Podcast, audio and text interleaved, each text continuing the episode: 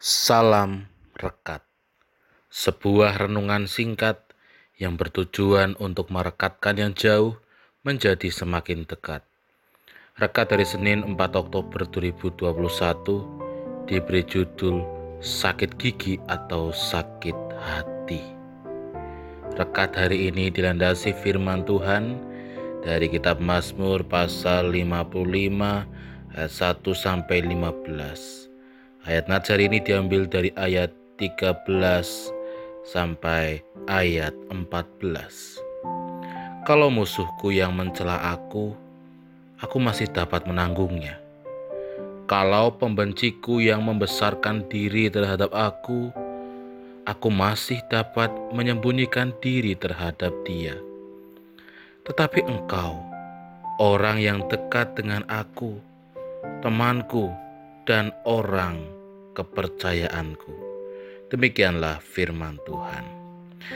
Bapak Ibu Saudara yang terkasih di dalam Tuhan tentu kita pernah mendengar lagu lebih baik sakit gigi daripada sakit hati. Lalu jika kita diperkenankan untuk memilih apakah kita akan memilih lebih baik sakit gigi daripada sakit hati? Kalau saya sih tidak memilih kedua-duanya, karena keduanya pasti tidak menyenangkan dan tidak membuat damai sejahtera, apalagi sakit hati.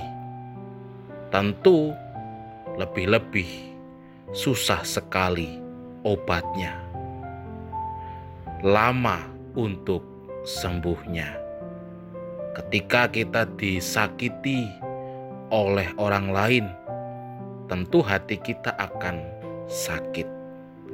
Apalagi jika yang membuat kita sakit itu adalah orang-orang yang dekat dengan kita.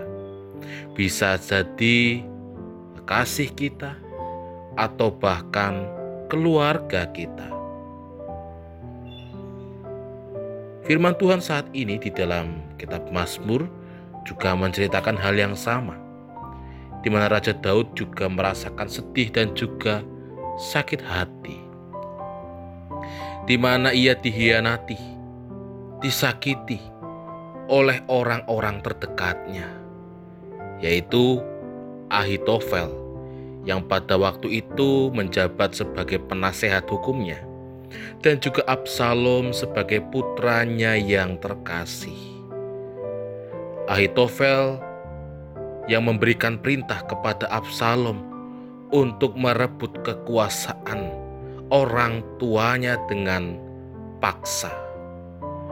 Di dalam keadaan seperti itu, dihianati dan disakiti oleh orang-orang terdekatnya.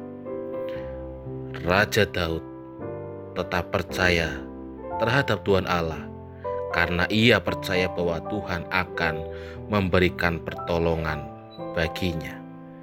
Bapak Ibu Saudara yang terkasih di dalam Tuhan, dalam bulan keluarga ini kita diajak untuk merenungkan firman Tuhan bahwa ternyata memang kekecewaan itu dapat dilakukan bahkan oleh orang-orang terdekat kita.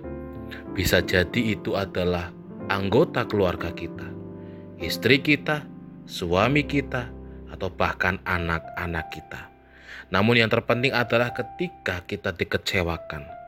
Firman Tuhan saat ini melalui teladan Raja Daud, kita diingatkan untuk tetap sabar, penuh dengan pengampunan, tidak menyimpan dendam kepada orang-orang yang telah menyakiti kita.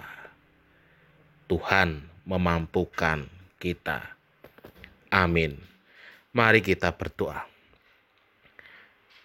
Meskipun kami disakiti, meskipun kami dihianati, kami percaya Tuhan tidak pernah meninggalkan kami. Amin. Saya Pendeta Samuel Prayogo dari GKJ Banyumanik Semarang menyapa saudara dengan salam rekat. Sebuah renungan singkat yang bertujuan untuk merekatkan yang jauh menjadi semakin dekat.